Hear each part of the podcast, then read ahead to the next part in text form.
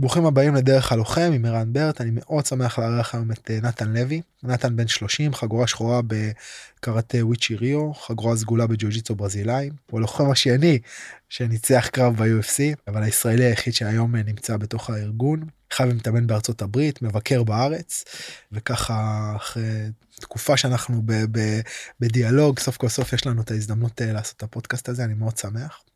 אנחנו נדבר היום עם נתן גם על החיים בארצות הברית ובעצם אה, אה, להתאמן כספורטאי לחימה מקצועי ולהופיע באחד מהארגונים המובילים בעולם אה, אולי המוביל בעולם על האתגרים והמשוכות והקשיים בדרך. נדבר על ההבדל אולי בין אומנות לחימה מודרנית לאומנות לחימה מסורתית. נתן מגיע מתוך אומנויות הלחימה המסורתיות וזו דרך אולי מאוד ייחודית כמעט אה, נדירה בימינו לעשות את המעבר הזה ואני חושב שזה יהיה מאוד מעניין לשמוע אה, ולנהל דיאלוג סביב זה. ואולי נדבר על אה, הבדל בין סוגים של לוחמים כשאנחנו רואים ספורטאי או לוחם עולה לזירה אנחנו בדרך כלל מייצרים איזשהו דמות מסוימת אבל יש מוטיבציות שונות, דרכים שונות, סוגי אופי שונים של לוחמים, ואולי גם סוגי אופי שונים של מאמנים. אה, וביחס לניסיון של נתן ולמקום שלו היום, אה, אולי זה, זה שיח שאנחנו נפתח, ואני בטוח שהשיחה תלך לכל מיני מקומות. שלום נתן. כיף שאתה פה. שלום, thank you for having me. איזה כיף. טוב, יצא לנו כבר פטפט מלא לפני, אני מרגיש שאנחנו כבר בתוך הפודקאסט, אבל אה, בוא נתחיל אולי באמת מהמקום הזה של המסורתי מול המודרני. מה, מה גורם אה, לבחור צעיר שעושה קראטה, אה, במהות שלו, בלב שלו, לעשות את המעבר הזה לתוך אה, מקום כמו, כמו זירת, אה, זירת MMA? קודם כל, תמיד היה בי איזשהו רעב, רצון להתחרות בקראטה זה היה כאילו טאבו בסגנון שלנו. כשאתה מתחרה ואתה מנצח מישהו אז אתה, אתה יותר חזק ממנו. אז מה החוכמה בלנצח מישהו שאתה חזק ממנו? כל מיני הסברים שאף פעם לא ישבו אצלי טוב, למה לא להתחרות. מין פילוסופיה כזאת שעוטפת את קו האימון. כן, אני חושב שזה פילוסופיה שהיא בעצם אה, יותר מין איזשהו פחד לגלות אה, חולשות. בתוך הסגנון. בתוך הסגנון, בתוך השיטת אימון, בתוך uh, כל דבר. הכי טוב להגיד שאתה הכי חזק, אתה יודע, מהבית, בלי לצאת מה, מהמכון ובלי כלום, אתה הכי חזק. למה צריך ללכת להתחרות? יש גם איזה היגיון אה, מנחה כזה בהמון שיטות אה, מסורתיות שאומרות אם היה עכשיו מותר באמת להוציא עין או לתלוש לך את הפטמה או לתת לך whatever ב whatever אז נכון היינו היינו יותר חזקים כן, לגמרי, גם, אתה יודע, לא, אבל אצלנו אתה שם את האצבע לעין, ואתה, בוא קודם כל תפגע את האגרוף לפנים, אחר כך תדבר איתי על לדייק עם האצבע לתוך העין. לא כזה קל לפגוע בראש של בן אדם בקרב, ולא כזה קל לפגוע לו ברגל עם בעיטה, לא כזה קל לפגוע לו בטורסו עם אגרוף. אז להכניס אצבע לעין ולתלוש לו את הריסים, גם לא כזה קל. זה כאילו איזה משהו, אקסיומה כזאת ש... אנשים לא מבינים כמה צריך להתאמן על משהו הכי בסיסי בעולם כדי שהוא יקרה בקרב אמיתי מול יריב מתנגד בכאוס. ואז כאילו הירידה לתוך הרזולוציות האלה של אם זה אז אני אתלוש לו את הגורגרת כאילו אחרי שאתה עושה את זה ואתה מבין כמה קשה לפגוע עם ג'ב כאילו בפרצוף של בן אדם אז אתה אומר אוקיי כאילו זה, זה המפח נפש הגדול שאני עברתי הרבה פעמים במעבר בין המסורתי למודרני. כי אתה מגיע ל... אתה שם כפפות אגרוף אחרי שעשית חמש שנים קראטה ואתה בטוח שעכשיו אתה תיתן את ה... את הוואטאבר תנוקיטה והבן אדם כאילו יתמוטט אבל הוא לא מתמוטט ויש שם איזה יש שם איזה קושי יש שם איזה דיסוננס. כן, אני חושב גם שהדיסוננס הוא באימונים, כי בסופו של דבר אתה עושה קאטות שבהם מתרגלים uh, טכניקה מסוימת, שחלק מזה זה הגנות ובעיטות שהן uh, לגיטימיות וחלק זה תרגילים קצת יותר uh, דמיוניים, אבל בפועל אתה עושה ספארינג ואתה נותן אגרופים ובעיטות, וזהו. אז uh, אני חושב שבפועל, נגיד אישית, אין לי בעיה עם קאטות. אם הייתי עכשיו מלמד ילדים, אולי אפילו הייתי מלמד אותם קאטות, כי אה, אתה עובר מעמידה לעמידה, אתה עושה הגנה ומיד מכה, מכה ומיד הגנה, מצוין, כל זה אה, קרבי. הבעיה מתחילה כשאתה עושה, שוב, תרגילים שהם דמיוניים ואיזושהי סיטואציה שאתה תולש לבן אדם את הלב, זה לא קורה. כשאני התחלתי להתאמן, קודם כל הייתי בן 13-15 כשהתחלתי כאילו לעשות קצת יותר אומנויות לחימה, למדתי, טיפה רציתי לעשות MMA, הייתי רואה קרבות. אני זוכר שהיינו מחפשים, אה, מחכים לראות את קרוקופ נלחם מול פדור, זה היה הקרב, כאילו קרב המאה מבחינתנו. אה, אני ועוד חבר. ובגיל די צעיר, שוב, 13, הבנתי ש-MMA זה הדבר. ואז, אה, כמו שדיברנו מקודם, הלכתי למכון של לחימה משולבת ישראלי, שזה לא MMA, אבל זה הדבר הכי קרוב שהיה. ואומנם הייתי רק ילד רזה ו- וכפוף, ו- ונהניתי להתאמן, אבל הבנתי שהאימונים לא ברמה מאוד מאוד אה, גבוהה, הם לא מאוד קשים. היה לי קשה כי הייתי לא בכושר, אבל אה, ברגע שהלכתי ללמוד אה, קונג פו עם חברים, האימונים היו מאוד קשים, הרבה יותר קשים, והתחברתי יותר לקושי ולפחד להגיע לאימונים, אפילו שזה לא MMA. איזה, איזה קונג פו זה היה? פנגיינון. מה זה? לא מכיר. שיטה כזאת שהיא אה, חצי קשה חצי רך, קונג פו דרקון, אגור וטיגריס. בפועל עשינו שם אה, הרבה תנועות. לפחות היינו מנסים לפגוע אחד בשני באימונים, וכשהיינו עושים ספארינג, היה מותר לתת בעיטות לאשכים, והיינו עובדים בלי כפפות, והיינו נותנים אגרופים לפנים. אמנם היינו ילדים, אז זה לא היה איזה מכה עם uh, כוח אדיר, אבל באמת ניסינו ליישם את התנועות של, ה, של הקאטות אחד על השני ולעשות תרגילים, ולפעמים אפילו זה היה עובד. אבל בסוף החלק הכי טוב באמת שיצא לי מהאימונים האלה זה עד היום, כאילו זה המשמעת, ולהתאמן קשה, ובאמת הייתי מפחד לפני כל אימון להגיע, כי לא ידעתי איזה עינוי מתכננים לנו היום ומי ירביץ לי וכמה זמן. יכלנו לפעמים לעשות uh, שעה, שאחד רק תוקף ואחד רק מגן. ואם היה איזה מישהו שהוא כמה שנים יותר גדול ממני, יותר גדול, יותר חזק, והוא פשוט שעה מרביץ לי ואני צריך להגן, וכבר אחרי, אתה יודע, עשר דקות, רבע שעה אני כבר מתעייף, והוא יותר בכושר וממשיך וממשיך. אין סיבובים, ואני כבר בוכה דמעות, והוא פשוט ממשיך ואף אחד לא מרחם עליי. אה, זה בנה אותי מאוד, אה, אפילו שזה לא היה MMA. משם אה, עברנו לקראטה. מה הייתה המוטיבציה להמשיך במקום כזה? אני חושב שאולי באיזשהו מקום גם, גם מאוד רציתי להתחזק, רציתי לחזק את הביטחון העצמי, רציתי להשתנות. כי כאילו לא אהבתי את הכיוון שהחיים שלי הולכים אליו, שאני עם, אתה יודע, עם החבר'ה ועושים שטויות, ו... ותמיד רציתי לעשות אומנויות לחימה, ואף פעם אה, לא הייתי מחויב, וכאילו באיזשהו שלב פשוט החלטתי שזהו. אני ממשיך פה עד לחגורה שחורה, לא משנה מה, אני לא פורש. ואולי כי זה היה כזה קשה, אז באמת אה, אפשר להגיד שלא השתעממתי. נהנית מהאתגר כאילו. נהניתי מהאתגר, כן. אבל גם אבל גם חששת כאילו זה נשמע דואלי לגמרי גם וגם מאוד דואלי משם בעצם הקונג פו הזה הפך לקראטה זה תמיד היה קצת שילוב של קונג פו וקצת קראטה וזה הפך ליותר קראטה ופחות קונג פו עד שהקונג פו נעלם אה, לגמרי. זה כאילו איזה החלטה שהמורה לקח כאילו פשוט איזה משהו כזה ש... פשוט אה, ב-2008 נסענו ביחד לאוקינאווה. אני הייתי בן 16 התאמנתי אז שנה וחצי ושהמאמן שלי אמר לי שהוא טס לאוקינאווה למצוא מורה חדש אה, ולהתאמן. שאלתי אותו אם אני יכול לבוא, הוא אמר שכן. שאלתי את אימא שלי אם אני יכול לנסוע ליפן להתאמן. הייתה עסוקה באיזשהו משהו במטבח ואמרה לי כן כן. נתפסת על זה? נתפסתי על זה, הלכתי קניתי כרטיס וחזרתי אליה כמה ימים אחרי. אמא אני טס אה, ליפן. מה זאת אומרת? עם מי? עם המאמן שלי, מה, לכמה זמן? אתה יודע, כל השאלות לא היה לה בכלל אה, תשובה אחת, אבל uh, טסתי בגיל 16 פעם ראשונה לחודש, והיה ביג אדוונצ'ר, כאילו היה מאוד כיף. היו אימונים קשים, אבל אתה באוקינאווה זה מקום ממש מגניב. והיה כיף, כאילו היינו נוסעים ב... אתה יודע, באופניים, כולם יפנים, מקום באמת מגניב. חזרתי לארץ, וכל מה שיכלתי לחשוב עליו זה אוקינאווה, איך אני חוזר, מתי אני חוזר.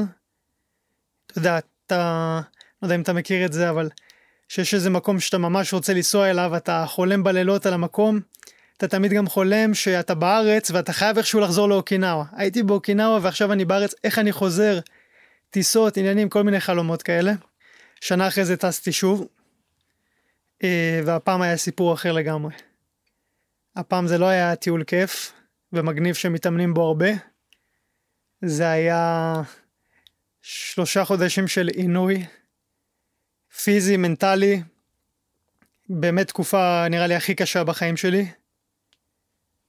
התחיל מזה שה... שטסתי עם, ה... עם החברה הראשונה שלי, עם ה-high school sweetheart. קצת, אה, אתה יודע, רבנו שם והיה איזה פיצוץ עם המאמן שלי כעס עליי, אתה יודע, הייתי ילד, עשיתי קצת, אה, טיפה נגיד יום אחד אה, לא הלכתי לאימון. רק נחתנו ולא הלכתי לאימון כי רציתי להראות לחברה שלי את העיר. והמאמן התעצבן עליי מאוד, ואמר לי, אתה יודע, שנה אתה מדבר על אוקינאו ועכשיו אתה פה ואתה לא הולך לאימון, כמובן שהוא צדק. אבל הכל הפך לאיזה מין פיצוץ שמאז החברה טסה חזרה לארץ, ואני בעצם הייתי שם עם המאמן שלי שמאוד כעס עליי, ועם המאסטרים שהיו מאוד מאוד נוקשים איתי. אה, אתה צריך שם אה, לסחוב להם את התיק. נכון, אז אני סוחב גם למאמן שלי את התיק וגם למאסטר את התיק. אתה כל היום אה, עושה קידות, אתה יודע. כל הזמן יש איזה מין סטרס כזה שאתה חייב, אתה כל הזמן הולך על קליפות ביצים, לא לעשות איזה טעות.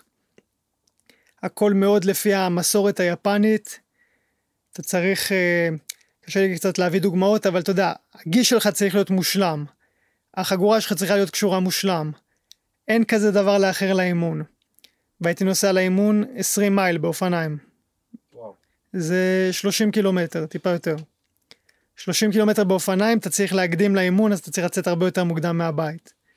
אה, כל בוקר היינו הולכים לתיכון, ששם המאסטר היה מלמד.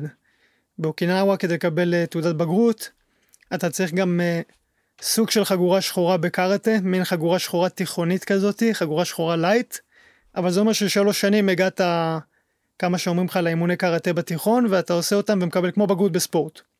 אז הייתי עושה את האימונים בכיתה הראשונה.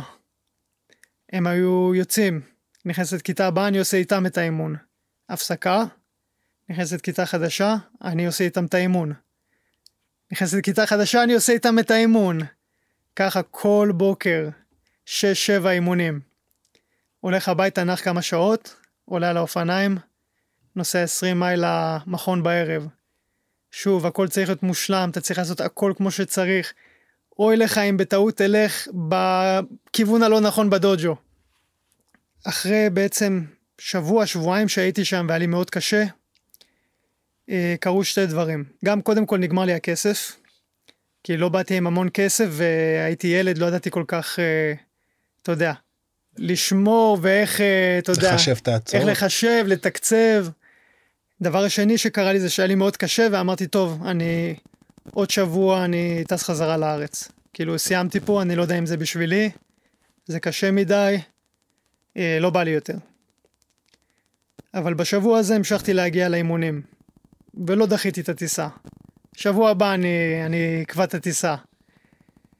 ובינתיים אני חי על uh, כמה קערות אורז ביום. 200-300 ין ביום זה 2-3 דולר. אני חי על זה, וכל פעם אני אומר, טוב, אני, אני אחזור לארץ עוד מעט. אני פשוט כל יום הולך לאימונים, עד, ש, עד שבאמת הגיע הזמן שלי לחזור הביתה. וואו. כאילו זה, זה מרגיש כמו מסע התבגרות. לגמרי. לא, לא פנטזיית נעורי, אלא כאילו ארטקור. ארטקור. ואיך יצאת משם? Uh, את האמת, במין טראומה ודיכאון. כאילו חזרתי לארץ והמאמן שלי נשאר uh, ביפן, הוא היה שם כל השנה, וגם היה איזה מאמן מחליף, כאילו לא היה לי כל כך תשוקה כבר לא, לאימונים. כאילו המשכתי ללכת כי כאילו כבר זה היה חלק מאוד חזק בזהות שלי שאני אמן לחימה ואני מגיע לכל אימון.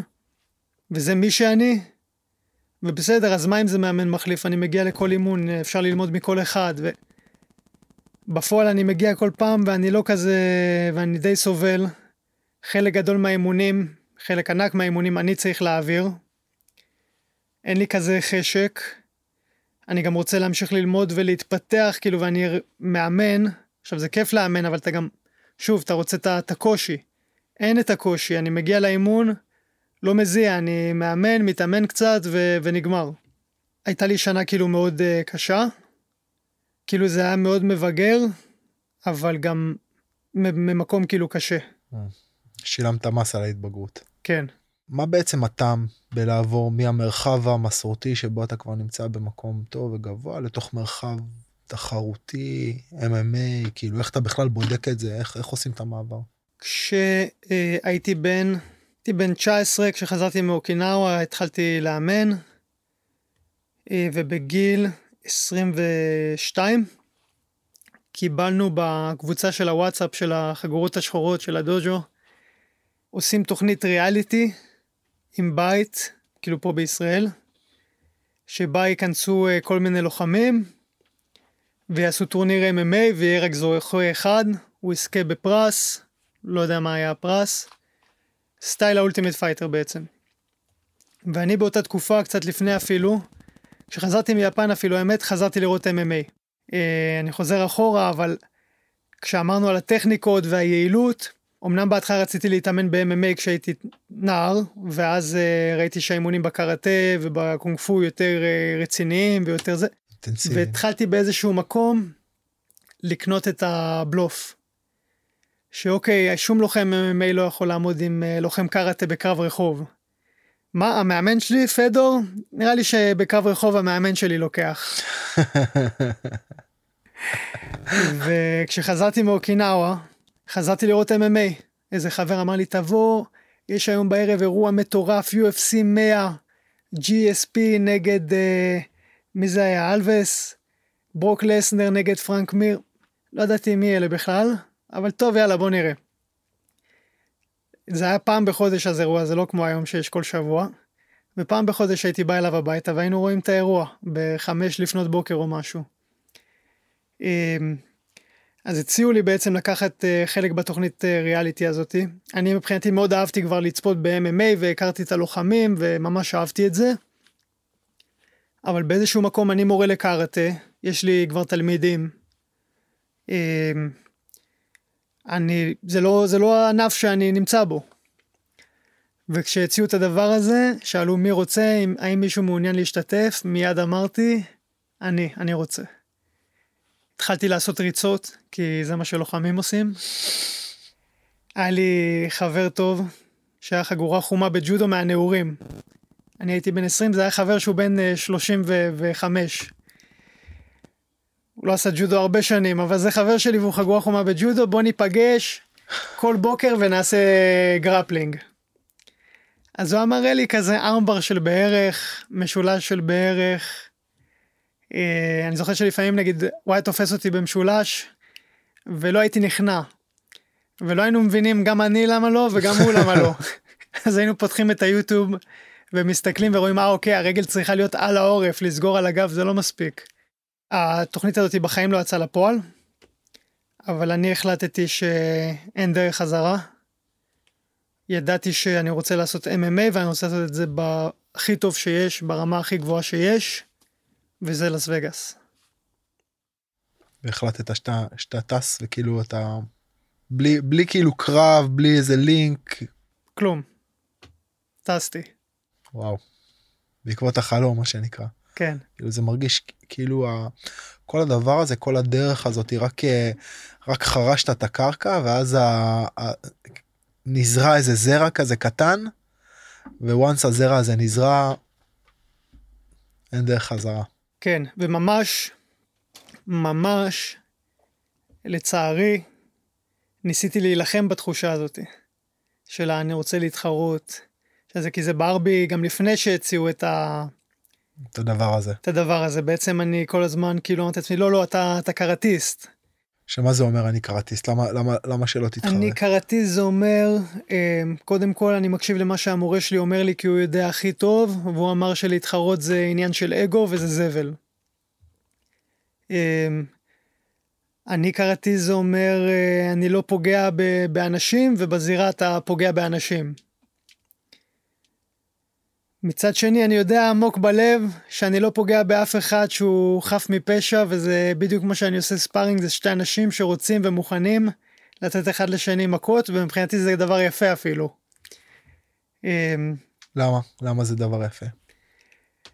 למה, אה, למה זה דבר יפה? קודם כל, הכל במוסכמות. אף אחד פה לא... אה, עושה משהו לשני שהוא לא... בדיוק, שהוא לא מוסכם, אף אחד פה לא עושה משהו לשני שלאחד אה, מותר ולשני אסור. אה, וזה לבחון את עצמך, לאתגר את עצמך בעצם, מה, מה זה קראטה? מבחינתי, אני כקראטיסט עד היום, מה זה קראטה? קודם כל זה לאתגר את עצמך, זה להקשות על עצמך, לחשל את עצמך, למה עושים חישולים, למה בועטים אחד לשני ברגליים. האם זה עובד, האם זה מחשל, אני עד היום לא יודע. אבל אני יודע שזה כואב, ואתה צריך להמשיך לעמוד שם ו- ולחטוף. זה כאילו באיזשהו מקום זה איזשהו סוג של אה, אה, מטאפורה לחיים כאילו החיים מביאים לך איזה מכשול מפילים עליך איזה גל ואו שאתה מתקפל נמרח על הרצפה ואתה יודע זוכה לאיזה חור או שאתה עומד נוכח נוכח האתגרים נוכח הקשיים ובמקום הזה אני מרגיש שהאמנויות לחימה כאילו מפתחות את, ה, את האיכות הזאת נכון? כמו שאמרת, להגיע, להגיע לאימון, לפחד ממה שהולך לקרות לאימון, אבל בכל זאת להגיע, ובכל זאת להיות שם, או לעמוד אה, בחישולים האלה ולקבל את הבעיטה, וכאילו, בעצם העבודה שלך היא עבודה פנימית, גם עבודה חיצונית, כאילו איך אני שומר את המבנה שלי נוכח האנרגיה שנכנסת בו, אבל יש איזושהי עבודה פנימית, איך אני גורם לעצמי לא להתקפל. ואז, כאילו, אני מאוד מזדהה עם מה שאתה אומר כאילו אולי זו האינטרפטציה שלי. אני אומר אוקיי אני יכול לעשות את זה. בהתחלה אתה מקבל בעיטה ראשונה אתה מתקפל. כאילו הגוף שלך מתקפל הנפש שלך מתקפלת אתה כולך מתקפל. ואז אתה מקבל חמש בעיטות ואתה מצליח לעמוד. ואז אתה אומר אוקיי אני אעשה את זה גם בקרב. כאילו. ואז אתה אומר אוקיי אני עשיתי את זה עכשיו בקרב במכון אבל קרב במכון זה לא באמת קרב. כי יש פה איזה אני ואתה חברים עשינו קידה אנחנו שומרים אחד על השני. בוא ניקח את זה לרמה הבאה בוא ניכנס לזירה ועוד פעם יש פה דברים שאי אפשר להסביר למי שלא נכנס לזירה אבל אבל כאילו אתה נכנס לזירה זה העולם גועש. קרב זה האימון האולטימטיבי. האם אנחנו מתאמנים העסק, העסק שלנו זה להתאמן יופי הנה מגה אימון תעלה לזירה. כן, ותשמור על עצמך על האיכויות שרצית להביא כאילו גם בתוך הזירה. אני חושב שאולי זה אולי איזה איזה ככה אנטרו לתוך ה, לתוך השיח שלנו על לוחמים. אז בעצם אתה נמצא תכף אולי נדבר על, על, על, על, על, על איך זה להיות בארצות הברית אבל כשאתה נפגש עם לוחמים ואתה רואה לוחמים שבתוך הזירה יש מוטיבציות שונות אה, ללוחמים כלומר סוגים שונים של לוחמים שמוצאים את עצמם בתוך הזירה ו, וסיבות שונות ללמה אנשים מגיעים לזירה. הייתה לנו את השיחה הזאת מקודם נהניתי לשמוע אותך מדבר על זה אז בוא בוא בוא, בוא נפתח את זה קצת כאילו איזה איזה איזה לוחמים יש בזירה. אתה יודע קודם כל כל אחד הוא אדם שונה עם אופי שונה וסיפור אה, חיים שונה. בגדול אני חושב שיש אה, שלושה מרכיבים עיקריים ללוחם שלפי זה אני מחלק אותם. עכשיו זה מין אה, ספקטרום כזה אני לא חושב שיש מישהו שהוא. אה, בהכרח חייב להיות רק זה או רק זה, כולם נמצאים איפשהו בין uh, אמן לחימה, ספורטאי, ונקרא לזה prize fighter. למה אני קורא לזה prize fighter ולא לוחם? כי שוב, כולנו לוחמים. עלית לזירה, אתה נלחם. בדיוק. אתה נלחם, אתה לוחם. אתה נלחם אם אתה מפחד, אתה נלחם אם אה, לא מזיז לך, אתה נלחם אם אה, אתה עשיר, אתה נלחם אם אתה... לא משנה. העניין הוא שיש אנשים שנלחמים כספורטאים, הם אוהבים אה, ספורט, הם אוהבים להתחרות. הם אוהבים את הקומפטישן, הם אוהבים את הקומפטישן, בדיוק. את, ה, את האורח חיים, כאילו, את הלייפסטייל. כן, את הדבר של להיות אתלט, כאילו. בדיוק. ו, ו, ובתוך זה, כאילו, להיות אתלט לחימה. אז יש פה עוד איזה ערך מוסף אולי. לגמרי. אמ, גם אסור לנו לשכוח שבסוף אמ, MMA זה ספורט. זה סט של חוקים שבו מתחרים. כדי, לעשות, כדי להיות uh, תחרותי בספורט הזה אתה צריך לעשות אומנויות לחימה. אבל MMA זה לא אומנות לחימה. ויש אנשים שהם uh, גם אגרוף זה לא אומנות לחימה. והאבקות זה לא אומנות לחימה, זה ענפי ספורט. ואני בטוח שיש מאמנים של האבקות שמלמדים uh, כבוד וערכים והכל. ומצד שני זה לא, זה לא איזשהו ערך שאם אתה לא עושה את הקידה נכון אתה לא מנצח את הקרב והאבקות. אז uh, יש אנשים שהם אמני לחימה, נראה לי שאני אחד מהם. מה ההבחנה מבחינתך בין, כי בעצם אמרת זה ספורט, בוא, נגיד, בוא נגדיר את זה ספורט לחימה. כן. מה ההבדל מבחינתך בין ספורט לחימה לבין אומנות לחימה? מה, מה הקו שמבדיל? אני חושב שאין כמעט קשר בין השתיים. כי אומנות לחימה זה שיטת לחימה, זה... אה, יש את הפן של הלחימה, יש פן של לפעמים הגנה עצמית, לפעמים יש גם פן תחרותי, לא תמיד.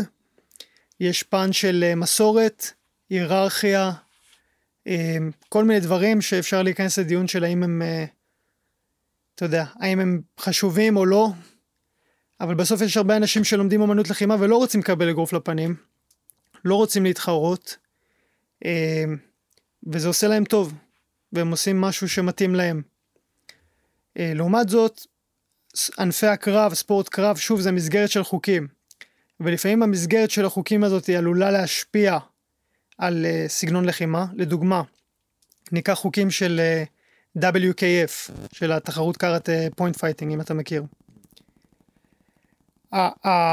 המחשבה מאחורי זה, אם תראה קרבות ישנים, אנשים נכנסים די חזק אחד בשני, עם אגרופים חזקים ופוגעים, והמחשבה היא שבקראטה אתה אמור להיות כל כך אה, חזק, שבאגרוף אחד אתה יכול לנצח מישהו. לשבור את, אה, את שריון הבמבוק של הסמוראי. כן, וה, והחוקים שיקפו את זה שאם נגעת במישהו עם האגרוף, אז אתה מקבל נקודה. זה החוקים. עכשיו, יש לך אומנות לחימה, שבה מתאמנים ועושים כל מיני דברים, וביניהם מכינים אנשים להתחרות בחוקים האלה. ולאט לאט האומנות לחימה משתנית. לקארטה שאתה רואה היום של ה point fighting, שהמטרה שלי זה לגעת בך עם האגרוף, אין בעיה, אני אתן אגרוף רפוי, בעמידה שלא קשורה בכלל לקראטה, אני אקפוץ, בזמן שהאגרוף פוגע בך אני אהיה עם שתי הרגליים באוויר כדי להגיע אליך יותר מהר, וברגע שהם ייגעו ברצפה אני מיד אברח כמה שיותר רחוק כדי שלא תצליח לפגוע בי אם במקרה לא ראו את האגרוף שלי ולא קיבלתי ניקוד. יש בעצם תהליך שהוא תהליך של אפשר לקרוא לזה אבולוציה אבל uh, אולי זה רבולוציה כאילו אתה יודע זה לא תלוי מאיפה אתה מסתכל על זה כי ברגע שיש תחרות והאוריינטציה הופכת להיות איך אני מנצח את התחרות אז אתה משתמש בחוקים ובמרחב התחרותי כדי להתאים את הלחימה שלך לתוך המרחב הזה אם אתה רוצה להילחם. זה משהו שיש אגב גם בג'יוג'יצו היום. ג'יוג'יצו הברזילאי במקור שלו אתה יודע כשאנחנו רואים תחרויות לפני 30 40 שנה כאילו אתה יודע הכל היה נגזר כאילו מה, מהלחימה ברחוב mm-hmm. ופתאום אתה רואה כל מיני גארדים מוזרים וניצחונות על אדוונטג'ים ונהיה לך כל מיני טקטיקות שקשורות לחוקים אנשים משתמשים בחוקים אבל זה, זאת בדיוק ה, זאת בדיוק האבולוציה של, ה, של הדברים כאילו הסובלימציה שלהם. אה, ו, ו, וזה המקור אתה יודע אנחנו מדברים על משחקי ספורט כל, כל הספורט בעצם שיש היום בעולם מה מה מאיפה מה מה המקור שלו? מה המקור של ספורט. היאבקות ואגרוף יוון. אז אז מה המקור של היאבקות ואגרוף? גם המקור של זה מקור אותו לברוח ממישהו. בדיוק כאילו המקור של זה הוא הישרדות אבל אתה לא יכול באמת להתאמן על הישרדות. ממישהו או משהו. כן אם אתה מתאמן על הישרדות זאת אומרת שמישהו אחד שורד ומישהו אחד לא שורד. זה זה המשמעות של להתאמן על על קרב. ואז יש איזושהי סובלימציה כאילו עידון של מיומנויות ציד או לחימה לתוך מרחבים שאפשר לעשות אותם בלי סיכון. בסופו של דבר כדורסל זה משחק אולטימטיבי של ציד בקבוצה. זה, זה, זה המקור של זה אם תלך מספיק אחורה ותראה את המקורות של זה זה משחק שמאמן אותך על כישורי ציד. אותו כנ"ל כל ענפי ספורט אם תלך מספיק אחורה זה סובלימציה של כישורי ציד או כישורי לחימה. אז גם הקרב גם גם גם גם ענפי לחימה עוברים את הסובלימציה הזאת התוצאה היא שיש רמה הרבה יותר גבוהה כאילו אם תסתכל היום על קראטיסטים אני חושב. שהם קראטיסטים ברמה חבריהם תסתכל על קראטיסטים לפני 100 שנה אני בטוח שהקראטיסטים של היום הרמה שלהם כאילו הקורדינטיבית המהירות מהירות תגובה אני בטוח שהאספקטים האלה יותר מהירים לפני 100 שנה. ומצד שני לפעמים זה נראה כמו שאנשי ג'ו ג'יצו תראה איש ג'ו ג'יצו היום. כאילו תראה את האלופי ג'ו ג'יצו של היום תשווה אותם למה שהיה לפני 20-30 שנה זה נראה חיה אחרת כאילו נכון תראה את אה, אויס גרייסי. בדיוק היום הוא היה יכול להחזיק קרב מאמין שלא. ג'ו ג'יצו, MMA, מול אין מצב. אבל יש מחיר כאילו שמשלמים על זה. אבל אם לא הוא, נכון? לא היה היום את כל האנשים נכון, האלה נכון. שיכולים לנצח לג- אותו. לגמרי, לגמרי, וזאת זאת האבולוציה, זה כאילו, זה, זה, זה המקום. אגב, דיברנו על זה ברמה של מאמן. ברור ש... כאילו, הר, הר, הרמה שלנו היום היא הרבה יותר גבוהה, אבל היא חייבת להישען על איזשהו ידע שנצבר. כאילו, אז זאת, זאת, זאת, זאת הכוונה. אבל אני חוזר חזרה להבדל בין אומנות לחימה וספורט לחימה, אני חושב שאני, בהבנה שלי, אומנות לחימה מתיימרת במהות שלה לתת מענה שהוא מענה רחב יותר מעבר רק ל-well-being שלך או רק לאפקטיביות שלך. היא מתיימרת לתת לך מענה לפיתוח של האישיות שלך ולפיתוח של האיכויות הפנימיות שלך. כאילו, ככה אני, ככה אני רואה את זה בהגדרה. וספורט לחימה לא בא להתעסק בממבו ג'מבו של איכויות פנימיות או כל מיני כאלה. הוא בא לתת לך, אם אתה עושה את זה בצורה חובבנית, הוא מעט well-being, כאילו אתה עושה ספורט, ואתה מתעסק בזה בצורה מקצוענית, הוא נותן לך מטרה. אמת. אמ, כי אנחנו חוזרים אחורה לנושאים שאני כבר שכחתי שהכל התחיל משם, אבל אה, מישהו שהוא מניף משקולות באולימפיאדה, האם הוא צריך להיות אה, סופר מכובד? האם הוא צריך אתה יודע, להתנהג באיזושהי צורה מצפים ממנו משהו? לא, הוא גם יכול לשתות, אה, הוא powerlifter, הוא שותה בירה, מרים את ה- את ה Atlas stone, מרים, נותן גרפס וניצח את התחרות. אמ, אז כן, באמת יש את, ה, יש את ההבדל הזה, ויש לוחמים, כשאנחנו חוזרים ל prize fighter, יש לי אפילו חבר שקצת כאילו שאלתי אותו, והייתי קצת כאילו בשוק כזה, ו, וצחקתי, שאמרתי לו, שהוא אמר לי, לא מעניין אותי כלום כאילו חוץ מה, מהקרב. אמרתי לו, כלום, אתה לא מתלהב ללמוד איזה טכניקה חדשה, משהו? מה אכפת לי הטכניקות, תביא לנצח ולקבל את הצ'ק. ורגע, אם עכשיו היית מאמן מישהו, לא היית אומר לו משהו על כבוד, מה אכפת לי מצידי שיהיה רוצח, העיקר שיהיה גם רוצח בזירה. אז uh, קצת קיצוני, אבל uh, כן, אני אה. כאילו, זה הפוך. קודם כל, אם יום אחד אני הייתי רוצה לחזור uh, לאמן, אחרי שאני אסיים, uh, אתה יודע, את הקריירה שלי, מצידי לאמן ילדים ולשים אותם על גי ושייתנו קידות ויעשו הכל. עכשיו ברור שאני רוצה ללמד אותם טכניקות אפקטיביות ולא שטויות, אבל קודם כל שיהיו בני אדם. ואני, זה, אנחנו חוזרים למה שאמרנו הרגע, אה, האומנויות לחימה מפתחות קרקטר, אבל למה הן מפתחות קרקטר? לא כי הם איזושהי דת אה, תורה מסיני וזה. אני חושב שפשוט משמעת, משמעת זה משהו שכל בן אדם צריך. ולפעמים ילד צריך לקבל איזה מכה כדי להבין אה, איפה הוא עושה טעות. או אתה יודע, או בטח אה, היום שמים על זה הורים בכלא, אבל לפעמים ילד צריך לקבל איזה כאפה. כאפה במובן המטאפורי של המילה. המטאפורי, כן, רק מטאפורית. אה, אני איתך לגמרי, אני עוד פעם חושב, אני, זה, זה נקודה חשובה, אני חושב שהיא מאוד מאוד מהותית, כי אני מכיר עוד פעם אנשים מאמני האבקות, שהמשמעת אצלהם היא הדבר הראשון, או מאמני אגרוף אולד סקול, כאילו, נכון. מאמן שלי לאגרוף סרגי, כאילו, או מאמן שלי לאגרוף יעקב, אתה יודע, כאילו משמעת או דרך ארץ, כי זאת הדרך שלהם, שהם הבינו שדרכה גם אפשר ללמד אלופים, אבל לא רק זה, מבחינתם במהות למילה מורה, יש משמעות הרבה יותר עמוקה. כאילו המטרה היא לא להוציא, האלוף הוא הערך המוסף של הדרך, הוא לא הדרך, הוא לא המטרה. המטרה היא שתהיה בן אדם, כאילו, ו- וזאת מה שאני חושב שמתחבא בתוך האיכויות האלה של, אה, של אומנות לחימה. המטרה היא שתהיה בן אדם. קראטקה כאילו תהיה איש של הדרך, זאת המהות. לעומת כדורסלן, שזה לא משנה כאילו אם אתה איש של הדרך או לא איש של הדרך, או מה אתה עושה בחדר מלון שלך אחרי שאתה מסיים לשחק. אני כמאמן, לי משנה מה התלמידים שלי עושים אחרי התחרות בחדר מלון.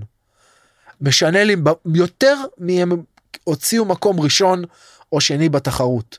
מה הם עושים בחדר מלון אחרי התחרות. להרבה מהמאמנים או הלוחמים ב-UFC ולהרבה מאוד מהשחקני NBA או המאמני NBA לא אכפת. לא חסר שערוריות. אה, בדיוק, בדיוק, ו- וזה הדבר המשמעותי, כאילו לטעמי, זה ההבדל לטעמי בין, בין שתי הדברים, אם אני, כאילו, אם אנחנו נכנסים לזה. אוקיי, אז, אז איזה אנשים אתה פוגש, איזה לוחמים אתה פוגש, נגיד, ב, ב, במכון שלך או במרחב שלך, כאילו, איך אתה יכול לפלג אותם? אני פוגש, נראה לי, כל סוג של, אה, של בן אדם שיש, פשוט שהם אה, הולכים מכות למחייתם. כלומר, מדינות, אמריקאים כמובן, ברזילאים שבאים ומדברים איתי פורטוגזית משום מקום ואני אומר להם לא, לא חביבי. פלסטינאים שאם מגיע מישהו מהמכון והוא אומר לי מאיפה אתה מישראל מאיפה אתה מפלסטין. אוקיי בוא נתאמן. לא בוא נתאמן ובוא אני אראה לך מה. לא אנחנו פה על המזרון ומתאמנים ועד היום לא היה לי בדבר הזה בעיות עם אף אחד. אמ, אתה יודע אנשים. אמ, רועשים, ארגנט, אתה יודע, גאוותנים, לא חסר. ואנשים אה, צנועים, טובים, נדיבים, נחמדים, אה, יש עוד יותר. כלומר, כולם נמצאים שם. כן, כולם נמצאים שם. כמובן שאם מישהו כבר ברמה של אה, מעצבן, obnoxious, כאילו, לא בא בטוב במכון, אז נשלח אותו הביתה בדרך כזו או אחרת. אז בוא אולי אתה יודע קח עוד איזה חצי תיק אחורה. הגעת אתה מגיע ללאס וגאס אתה אומר אוקיי אני מגיע ללאס וגאס אתה אמר מתחיל לדפוק על דלתות של מכונים איך זה עובד מה אתה עושה שם. אני מגיע ללאס וגאס קודם כל אני הולך ל Apple Store לא יודע מה לאיזה משהו לקנות uh, סים.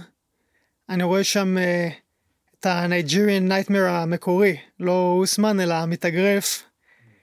Uh, מה זה, מה אתה עושה פה? לא באתי לקנות פלאפון, אתה יודע, אתה יום ראשון בווגאס ואתה כבר רואה heavyweight champion לשעבר.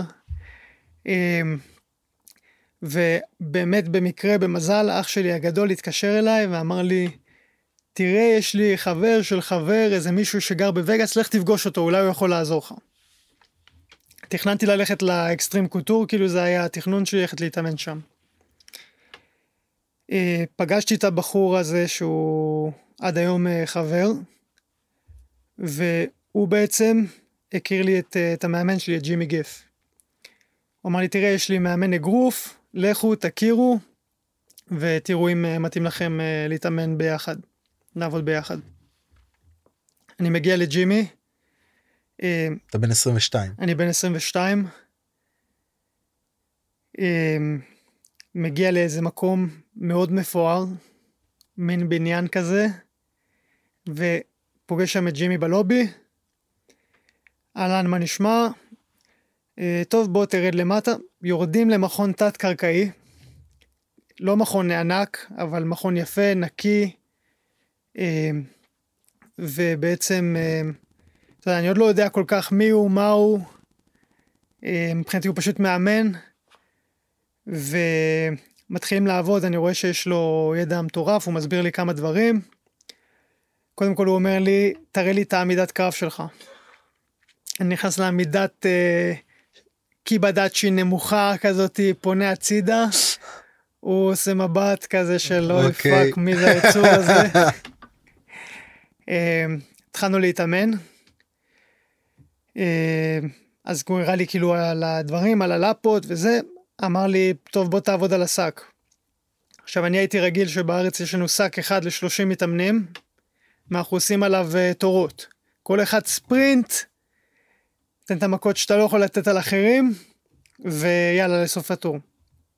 אז אני מתחיל לעבוד על השק, ומשתגע עליו, מנסה הכי להרשים שאני יכול. 85 בעיטות מסובבות בדקה. עברה דקה ולא נגמר, הוא לא אומר לי לרדת מהשק. ואז אני מבין שאני צריך להיות על השק חמש דקות. וכבר אין לי כוח. ואני מתחיל פשוט לעבוד בהכי עייף אה. שיכול להיות. אמ, שורד את מה שאני יכול על השק, ואז אנחנו מתאמנים עוד, ובסוף אני במצב שאני כאילו מקיא בפח, ומדבר איתו בין, אה, בין הקאות, והוא אומר לי, uh, you're raw. כאילו אתה, אתה נע. אתה נע, אתה צריך אה, השחזה.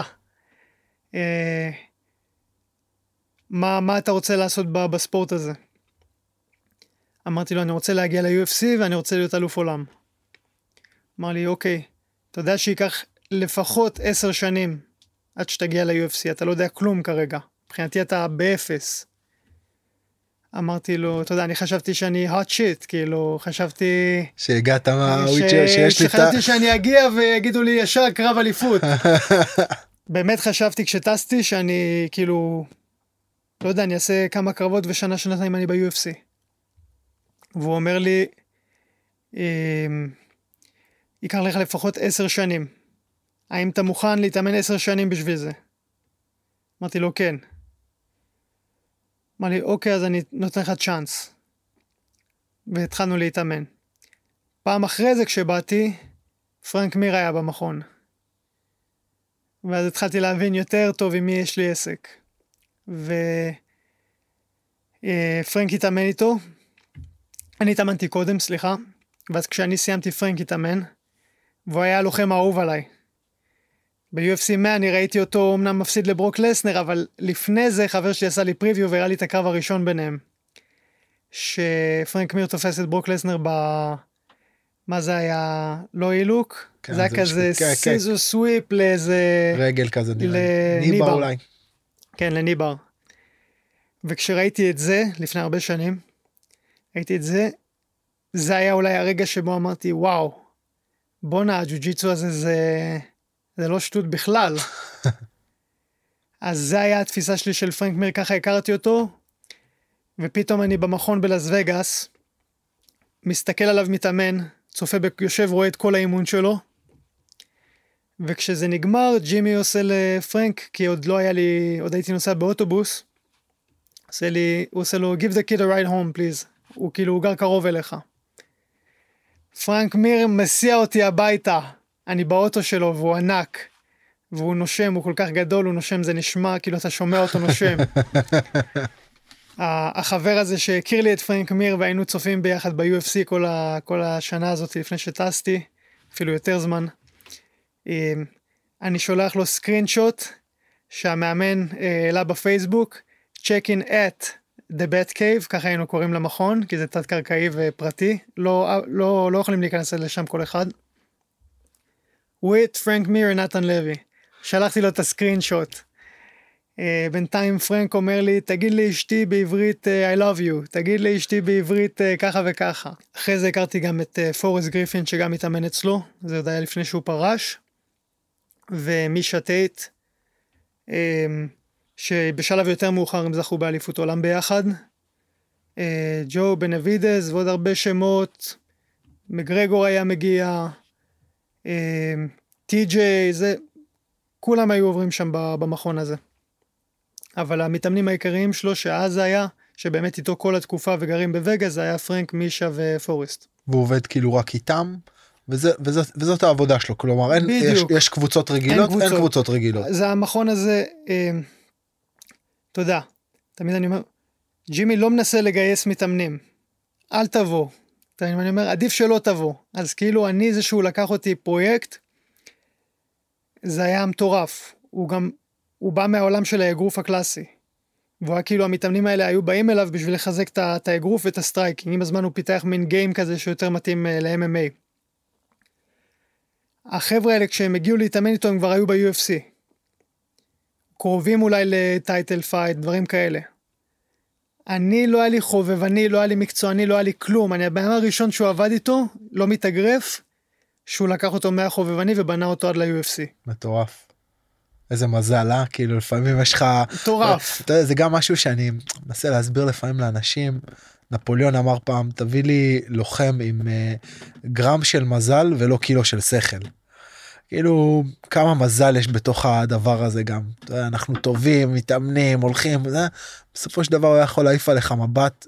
וסביר להניח שזה מה שאני הייתי עושה אם היה מגיע אליי מישהו כמוך אתה אומר fucking עשר שנים עכשיו ב-MMA גם לא יודע כלום. כן לא יודע כלום לא ראיתי אותו בקרב אפילו אחי, כאילו איפה אתה חי? עוף מכאן. מה אתה לך לשיעור ג'ו-ג'יצו של החגורות לבנות, לך תתאמן עם הילדים, תלמד משהו. וכאילו איזה מזל זה אה? כן. גם עד היום כשבאים כל מיני קראטיסטים כאלה הזויים לסינדיקט, אתה יודע, מצד אחד כאילו יש לי אמפתיה כי גם אני הייתי כזה, מצד שני שני אתה מסתכל, אחי אין לך סיכוי, מה כאילו אתה עושה באמת, פה? מה אתה עושה פה? אוקיי, אז, אז היית איתו וכאילו הוא לקח איזשהו סוג של חסות עליך? הוא לקח חסות עליי, באמת אה, לקח אותי תחת הכנף שלו, והוא לקח אותי לסינדיקט, הוא אמר לי אוקיי אנחנו עובדים ביחד עמידה זה, זה נחמד, אתה צריך קרקע, אוקיי? גם העמידה שלך גרועה, אבל אין לך קרקע בכלל. והייתי עושה אימונים, אה, בסינדיקט זה בעצם מקום מכון בלאס וגאס. שיש בו גם גם קבוצה מקצועית וגם מהמם. כאילו אנשים באים להתאמן. בדיוק. אני הייתי עושה, אה, אני אתן לך לוז, כשהייתי קצת יותר צעיר, היום אני כבר לא מתאמן ככה. הייתי מגיע בבוקר ועושה ג'ו-ג'יצו. חייב. 10 עד 11 וחצי. 11 וחצי עד 1 אימון MMA.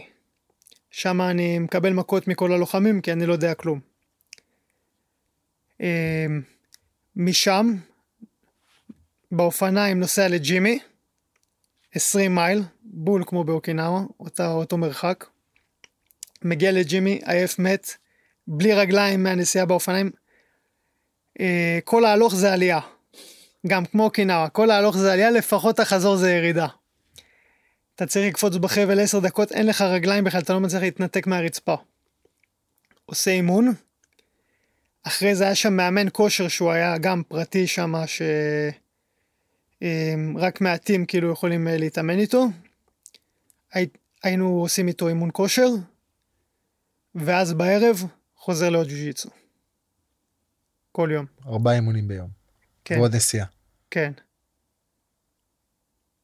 וממה אתה חי? מכלום, מהלוואות בבנק. מ...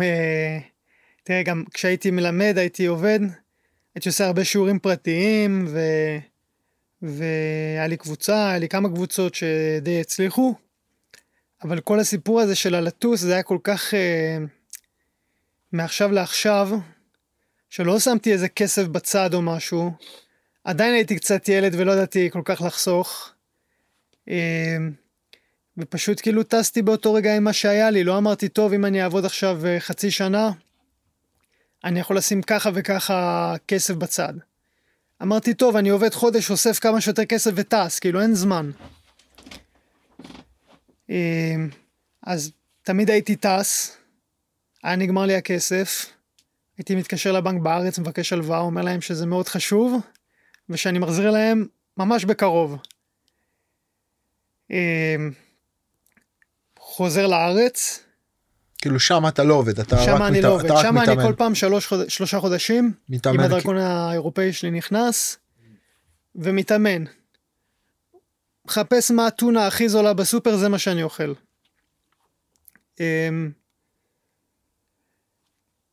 כל פעם שלושה חודשים, אחרי זה טס חזרה לארץ, כבר אין לי מתאמנים, אני עובד באבטחה, ואני צריך לעבוד גם כדי להחזיר את הכסף שלקחתי, וגם בתקווה שיהיה לי קצת אקסטרה לטוס.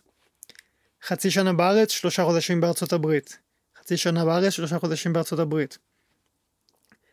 אמ, ככה, וכל פעם שאני בארצות הברית ואני רוצה להילחם, המאמן שלי אומר לי שאני עוד לא מוכן. ואני אמרתי לחבר'ה בארץ, אני הולך להילחם. חבר'ה, אני טס לווגאס אה, להיות לוחם ב-UFC. מה עם איזה קרב, נתן? אה, בקרוב, בקרוב, המאמן אמר שאני עוד לא מוכן. אה, אחרי פעם שלישית שהייתי שם, בפעם השלישית, אומר לי, אוקיי, אתה מוכן? אה, כמובן, מוכן לאיזה קרב חובבני מול מישהו שגם בחיים שלו לא עשה קרב. בוא, נ- בוא נמצא לך משהו. אבל לסוף התקופה אני רוצה שתתאמן שלושה חודשים, ושבסוף התקופה יהיה לך את הקרב, נעשה לך מחנה אימונים. קרב מתבטל, אין, אפשר, אין אפשרות להאריך את הוויזה, חוזר לארץ. וכמו באוקינאווה, כל הזמן שאני בארץ אני רק חולם שאני בווגאס, או חולם שאני בארץ ואני חייב לחזור לווגאס, שזה המציאות. והייתי, בעיקר בין הפעם הראשונה לשנייה, הייתי מתקשר למאמנים בלילה, בזמן שהייתי שומר באיזה בוטקה. הייתי מתקשר למאמנים לוודא שהם יודעים שאני מגיע, כאילו, אני עוד, אה, ממש אוטוטו אני מגיע. אה, שלא ישכחו אותי. והתחילו להתבטל לי הרבה קרבות, וכל פעם שהייתי טס כבר לווגאס אז היו קובעים לי קרב ממש. אתה יודע, חודש אחרי שאני נוחת. מתבטל. מוצאים לי קרב לשבועיים אחרי זה מתבטל, לחודש אחרי זה מתבטל וכבר צריך לחזור לארץ. זה גם משהו שנגיד בארץ אני מרגיש שלא מבינים, נגיד קובעים קרב והקרב מתבטל, אנשים מתבאסים, אתה יודע, פורשים אחרי זה.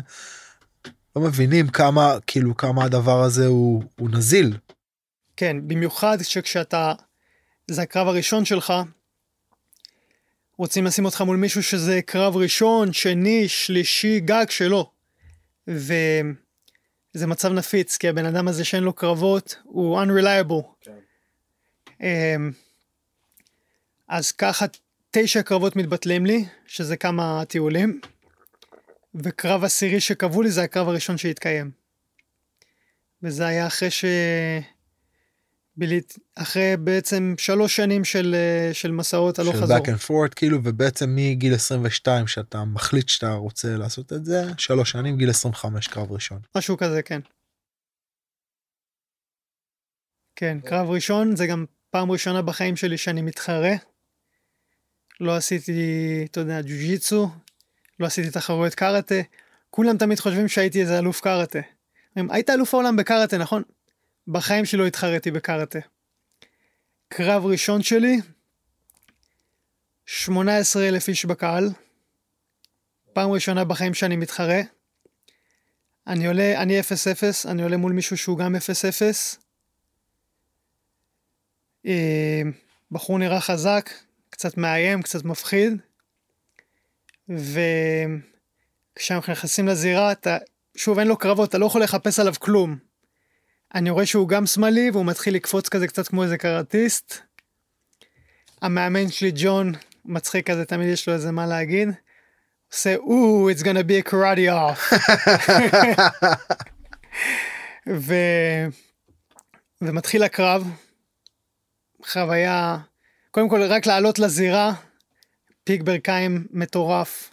לא סתם אה, לוחמים עולים לכלוב על ארבע, אתה קצת קשה ללכת על שתיים, זה מדרגות גם גבוהות. אתה זוכה לכלוב.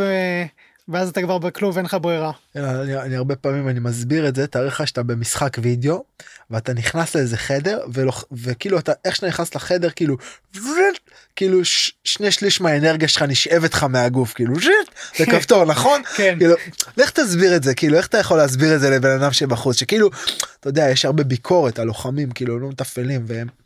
נגיד אני היום אה, עם אדם כאילו שגם שפגשת אותו אז נגיד הפקטור הכי משמעותי זה ניסיון כאילו נגיד אדם מתחרה עם חבר'ה שהם 20 25 קרבות. יש לו חמישה שישה קרבות כאילו בארץ אין אין, אין מתחרים כאילו אז אתה אז לך תסביר את הפקטור הזה של ניסיון כמה זה משמעותי להיות בעמדה הזאת וזה ואיך רק הכניסה לתוך המרחב הזה כאילו כאילו כל האנרגיה שלך נשבת מהגוף אתה מרגיש כאילו שהדברים לא זזים. כן ו... תראה, אתה בא לעלות לזירה, עכשיו כל העולם חשוך, מלא אנשים, ופתאום כל הזירה מוארת, ואתה מסתכל ואתה כזה, הולי שיט, אני הולך לעלות לכאן עכשיו? ואתה באמצע. והאם יש לי עוד דרך להתחרט? כנראה שלא, יאללה נכנסים. אמ, למה אני צריך את השיט הזה? כאילו, כן. כאילו מה עשיתי לעצמי? מה עשיתי לעצמי? מה עשיתי לעצמי? ו... שוב, אחרי, אתה יודע, שלוש שנים של ציפייה, זה עוד יותר כאילו רגע גדול. זה לא איזה אירוע במתנס, פתאום אתה באולם, באמת מרגיש לך כאילו אתה ב-UFC, והקרב מתחיל, אין לך, אה, אתה מאבד את ההרגשה של הטווח, אתה, אתה לא יודע אם הוא קרוב, אם הוא רחוק, מה שנראה לך כאילו הכי בסיסי באימון, אוקיי, הוא במרחק כזה, אני... אתה נותן אגרופים משתי קילומטר מרחק, אתה בועט כשהוא דבוק אליך. בכל הכוח, הכל פתאום בכל הכל הכוח. הכל בכל הכוח. אה, ו... דיסאוריינטציה מוחלטת. לגמרי. אתה פשוט בתוך אה, מין חלום מוזר, והבן אדם מוריד אותי לקרקע, מהר מהר מהר לקום. ושוב פעם הוא מוריד אותי לקרקע, אני תופס גיליוטינה, אני די בטוח שזו הגיליוטינה הראשונה שתפסתי בחיים. ואני לוחץ, לוחץ, לוחץ. אני מרגיש שהוא נרדם לי בידיים. השופט נוגע בי, אני משחרר את הראש, אני רואה את הראש שלו נופל ובום, נחבט במזרון. הרגשה מטורפת. יש לי עכשיו אה, צמרמורת שאני מדבר על זה. ו... התחלנו. סוף סוף, fuck yeah, התחלנו. דיברנו על הדרך ועל ה... יודע, כאילו, על המקום שבו אתה נמצא, ואני משתף אותך כאילו באיזה דילמה או דיסוננס שלי יש. כאילו, אתה מגיע לארצות הברית, כאילו, מבחינתי, ארצות הברית שהיא מדינה מטורפת, היא מדהימה, זה, בליצור לה באודמני. כאילו זה הכל הכל כאילו זה ביזנס במיוחד במקום כזה כמו UFC או ארגונים גדולים כאילו. אתה נכנס ל... בארצות הברית ל, ל, לכל מסעדה או בר או לא משנה מה יש לך שלושה שלוש ארבע חמש מסכים כאלה בכל מקום כל הזמן יש ספורט כאילו כל הזמן נכון הספורט הוא כאילו מאוד בתרבות NBA פוטבול כאילו בייסבול זה השלושת הראשונים וכאילו ה-MMA נכנס שם אתה יודע ברקע כאילו משחק. אתה נכנס לראות ספורט כאילו זה לא על הספורט הספורט הוא אחלה דרך להעביר איזשהו תוכן אבל בסופו של דבר זה הפסקות. ובהפסקות יש פרסומות וכל הזמן מוכרים לך משהו שאתה צריך לקנות נכון? זה כאילו זה זה הקטע כאילו כל הזמן יש לך איזה משהו להתעסק בו. כל הזמן יש טלוויזיות מולך כל הזמן יש ספורט וכל הזמן יש פרסומות. ואז בעצם כשאתה נכנס לתוך המערך הזה אתה נכנס עם הכובע הזה של הדרך בעצם שאתה עושה. כאילו המקום שאתה נמצא בו היום הוא בעצם איזשהו extension של התהליך הזה שהתחלת בתוך ילד בתור ילד נכון חיפשת איזה משהו מהותי משהו משמעותי משהו לעצב את האישיות שלך מולו. פגשת את הקושי הזה פגשת את הפחד. אמרת אוקיי כאילו אני מתגבש למול הדבר הזה ואני מעצב את עצמי למול הדבר הזה. ואז שהגעת לרמה מסוימת אחרי המסעות שעברת אמרת אוקיי אני עכשיו צריך את הרמה הבאה כדי להשלים את ההתגבשות שלי ואת התהליך שלי. אבל אז כאילו כל הפלטפורמה הזאת היא בעצם פלטפורמה חומרית בעצם פלטפורמה שמשרתת, אתה יודע, עוד כסף, עוד זה, עוד אינסטגרם, עוד... ואני מדבר איתך פה, אתה יודע, מהגיגי ליבי, כי גם אני חווה את הדיסוננס הזה בצורה מאוד מאוד חזקה. תהליכים שלי לא, לא כלוחם, כמאמן, עם חניכים, ואתה אומר, אוקיי, כאילו, אז האם זה משרת את הדבר שלשמו התכנסנו פה מלכתחילה? או שאני פשוט זרמתי עם איזה משהו ואני עכשיו חלק מהאופרציה הזאתי ואני כבר בתוך הדבר הזה וכבר מגדיר אותי אבל האם ההגדרה הזאת שזה מגדיר אותי זה עדיין קשור לאותו מהלך ראשון שעשיתי. ו... וזהו זאת שאלה אתה יודע זו שאלה שמלווה אותי עם ההתעסקות ברשתות החברתיות שאני כאילו מנסה להימנע מזה כאילו זה אני מרגיש שזה שואב לי את הנשמה זה התעסקות אתה יודע בכל החומריות בחוזים בכסף זה ואם אני חודר יותר מדי אז תגיד לי כאילו אבל זה נראה לא, לי לא אנחנו פה מדברים uh, חופשי um, אם הבנתי נכון את השאלה איך אני יכול להוסיף קודם כל אני אגיד לך משהו. um, אמרתי לך היו הרבה התנגדויות למאמן שלי לכל דבר שהוא MMA ו, ולחימה. משהו שהוא אמר לי זה קודם כל הוא אמר לי לפני שטסתי לווגאס שאני לא אצליח בחיים ושיש מאות אלפים כמוני שרוצים להיות שם. וגם אם תצליח ותגיע, הם ירצו לשנות אותך ולהפוך אותך לאיזושהי דמות שמשרתת אותם, ואתה לא תהיה, אה, ואתה לא תהיה אמיתי, ובשבילי אתה לא אמן לחימה אם אתה לא אמיתי. אז, חושב ש... קודם כל, אני זוכה להיות כן אני, ואני לא שום דמות. ובתוך כל העולם הזה של הכסף והשואו ובוא תהיה מגרגור וכל אחד נכנס היום לכלוב ועושה בלואו כיס כאילו מגרגור וכסף וזה. יש רק בן אדם אחד שיכול לעשות את זה ולהיות הוא וזה מגרגור. כל השאר אתם פייק. אתם וואנאביז. אמ, אני עצמי זוכה להיות עצמי כל יום. זוכה להיות עצמי מול קהל. לא שזה כזה מעניין אותי, אבל אני לא צריך לשנות מי אני כדי להיות מול הקהל הזה. ויש אנשים שאוהבים אותי בגלל מי שאני ותומכים בי בגלל מי שאני. אמ, הכסף, הדברים האלה, אין... אה, זה החיים. אין, אה, אתה יודע, אתה צריך אה, להתפרנס, ולמה לא להתפרנס בלעשות את מה שאתה אוהב, ומשהו שמאתגר אותך בקשה הטוב מאשר בקשה הרע, שאתה יודע, בשבילנו אני מניח שזה... לשבת במשרד ולהפוך לצורה של הכיסא זה הסיוט שלנו. אשתי מתכנתת, והיא כיף לה לשבת מול המחשב וזה מאתגר אותה. יש באג בקוד, היא משתגעת מזה, זה קשה לה. היא רוצה לפצח את זה. אבל היא מפצחת את הבאג בקוד ו... ופותרת את זה. ואז כדי לא להפוך לצורה של הכיסא, היא הולכת ומתאמנת ועושה הליכות, והייתה עושה גם אומנויות לחימה, ו... אז כך או כך אנחנו צריכים כסף כדי להתקיים. עדיף שיהיו חוזים גדולים שנשבור עליהם את הראש מאשר אה, חוזים קטנים. וכל האינסטגרם, אני רואה את האינסטגרם ככלי. קודם כל, אה, כלי שיווקי, ואתה יודע, לפני שעליתי לקרב הראשון הזה שדיברנו עליו, בחיים לא עלה לי בכלל המחשבה שלה, האם יום אחד אני אהיה לוחם מפורסם? האם יום אחד... מה שהיה לי בראש זה אני רוצה להיות לוחם, אני רוצה להיות אלוף. לא חשבתי לרגע אי פעם שאני אעניין מישהו בכלל. אה, רק אחרי, הק... רק פעם אחת העליתי לאינסטגרם סרטון שלי עושה קאטה, ופתאום זה תפס, לא יודע, בזמנו זה היה כאילו המון צפיות בשבילי, על איזה 30 אלף צפיות. והתחילו להיות לי עוקבים וזה, ועוד לא נלחמתי בכלל. הייתי מעלה קצת סרטונים, אם בכלל, לא יודע, נראה לי תמונות מאימונים. ומה שקרה זה שממש בקרב הראשון, כשהיה את השקילות והעליתי תמונה, פתאום מלא אנשים כתבו לי בהצלחה ודברים כאלה, ולא הבנתי בכלל מאיפה הם יודעים, מה אכפת להם, ו... ואחרי שניצחתי זה בכלל כאילו התפוצץ, ובחיים שלי לא חוויתי כזה דבר. כאילו שאנשים כותבים לך... לא מכירים אותך וכותבים אנשים לך. אנשים לא מכירים אותי וכותבים לי, ומברכים אותי וכל מיני דברים. אה, ומשם כל קרב זה הלך והתעצם, כאילו, ואתה יודע, עד לרמה של היום שאני נצח קרב ובאמת מקבל אלפי הודעות שלוקח לי, אני באמת משתדל לענות על כולם, גם אם זה רק uh, לב, כדי להראות כאילו קראתי ו- ואני מעריך, זה יכול לקחת לי שבועות. אמ, אז זה גם, כן, זה לוקח זמן. זה עבודה.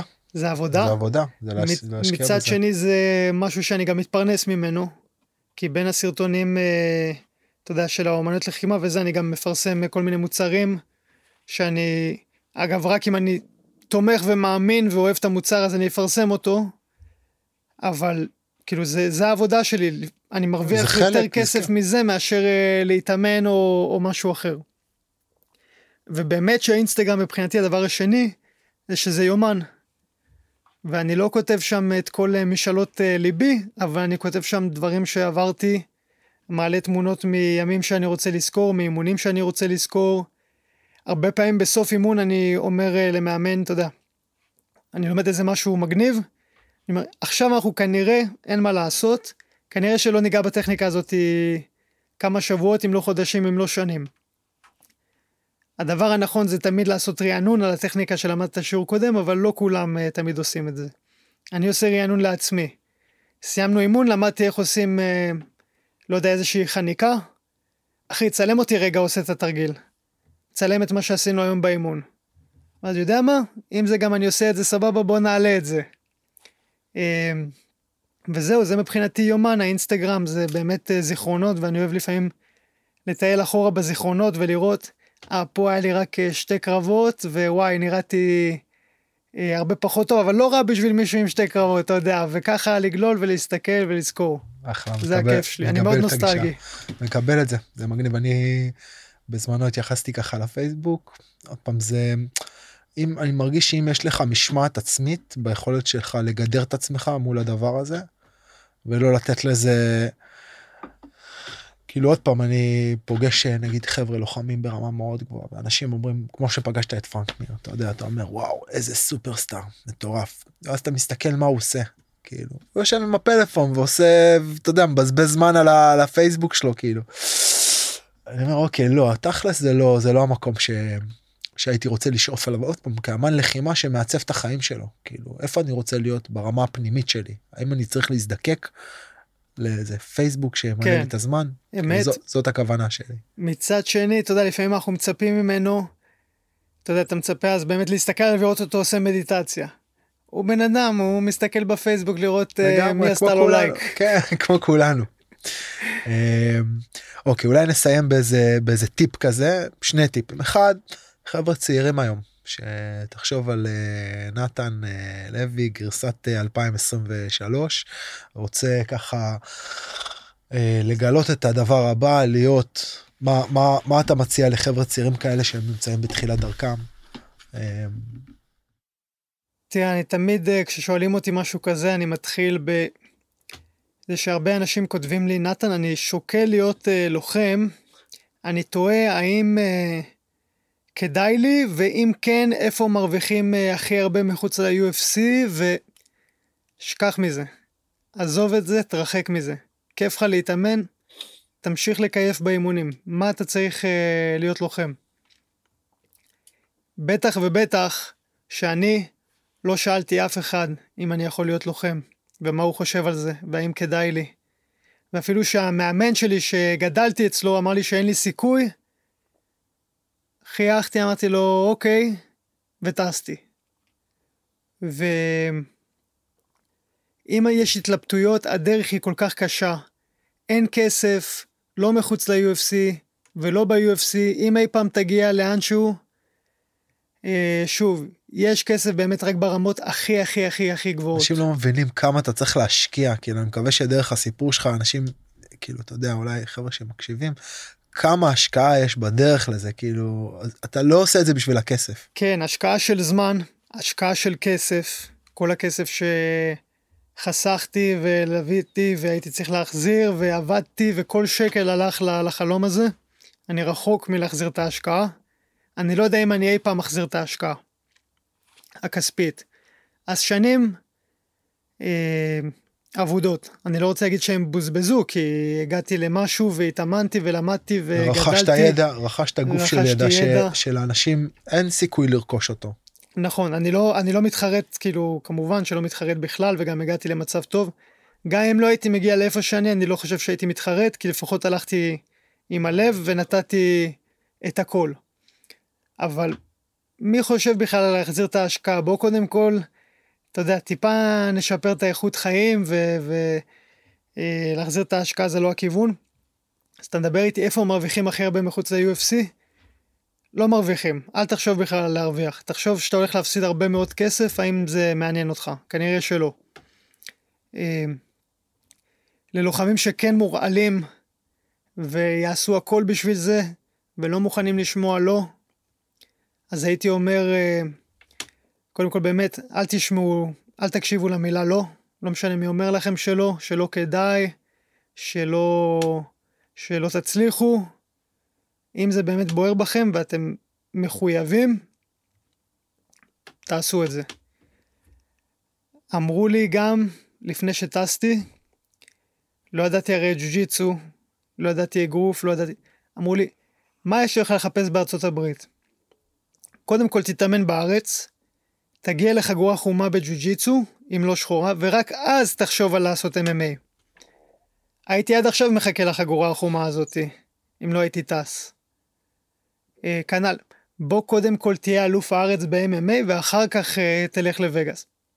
מה זה אלוף הארץ ב-MMA? לא היה כזה דבר ו... ו... מה זה משנה בכלל? למה אני צריך להיות אלוף הארץ? ואם יש בן אדם אחד בארץ שיכול לנצח אותי, אז אני לא יכול להתחרות בחו"ל? אתן לך דוגמה יותר מזה. יש לי חבר טוב, קוראים לו דניאל אביד. היינו מתאמנים ביחד שנים. הוא היה מפרק אותי במכות. הוא נמוך ממני נראה לי בשתי ראשים. שובר אותי מכות. הייתי נותן לו fight, אבל אין, הוא היה כמעט תמיד מנצח. אני אמרתי לעצמי, רגע. הוא יותר חזק ממני, אז אם אני... אם דניאל עדיין מנצח אותי, אז מה יש לי לטוס אה, לחו"ל? אז מה, הייתי מחכה עוד עשור לנצח את דניאל? את דניאל אני בחיים לא יכול לנצח, אבל אולי מישהו ב-UFC כן. והיום גם, אגב, אה, אני טסתי לווגאס, דניאל חבר שלי טס לניו יורק להיות uh, שחקן, היום הוא שחקן, אני לוחם, והוא איתי בפינה בכל קרב. אה, ואני יכול לנצח אותו. אה, אז כן, לא לקבל לא כתשובה. אני מאוד שמח שיש עכשיו חובבני בישראל, הייתה אתמול אליפות הארץ. אה, חלק מהקרבות הראו טכניקה מרשימה, חלק הראו פחות, טכניקה פחות מרשימה, אבל כולם הראו לב, ובאמת כולם היו פייטרים ברמות, וממש תמיד תמיד אמרתי לכל מי שהיה מוכן להקשיב, שעד שלא יהיה חובבני בישראל, לא יצאו מפה לוחמים. כי כל מי שרוצה לעשות, לצאת מכאן צריך לעבור בארצ... בארצות הברית או בחו"ל. נועד עשה את זה, אני עשיתי את זה, שמעון עשה את זה, אילי ברזילי עשה את זה, שמעון סמוטריצקי, טריאל אבסוב עושה את זה. כל מי שרוצה להצליח ב-MMA חייב לעזוב את הארץ. עכשיו שיש חובבני, יש על מה לדבר. מה זה מקצוען? מישהו שחי את הדבר שלו, בכל, בכל רמ"ח איבריו. אוקיי. האם מישהו שזה פעם ראשונה שהוא דורך בזירה, הוא מקצוען ב... ב... הוא יכול להיות מקצוען הקרב? בגישה שלו, אבל אתה יודע, זה, זה, זה כמו שאמרת, it's raw.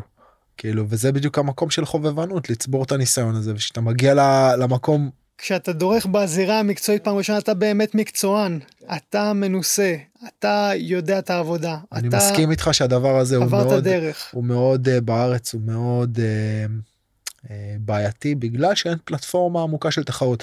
ו- ואגב, הנה תראה מה שחבר'ה של ג'ו-ג'יצו ברזילאים ברזילאי עושים, שמייצרים את הפלטפורמה הזאת, שזה לא IBJJF, אבל יש מספיק תחרויות, נהיה זה, הרמה עולה, כאילו זה, זה, זה ככה.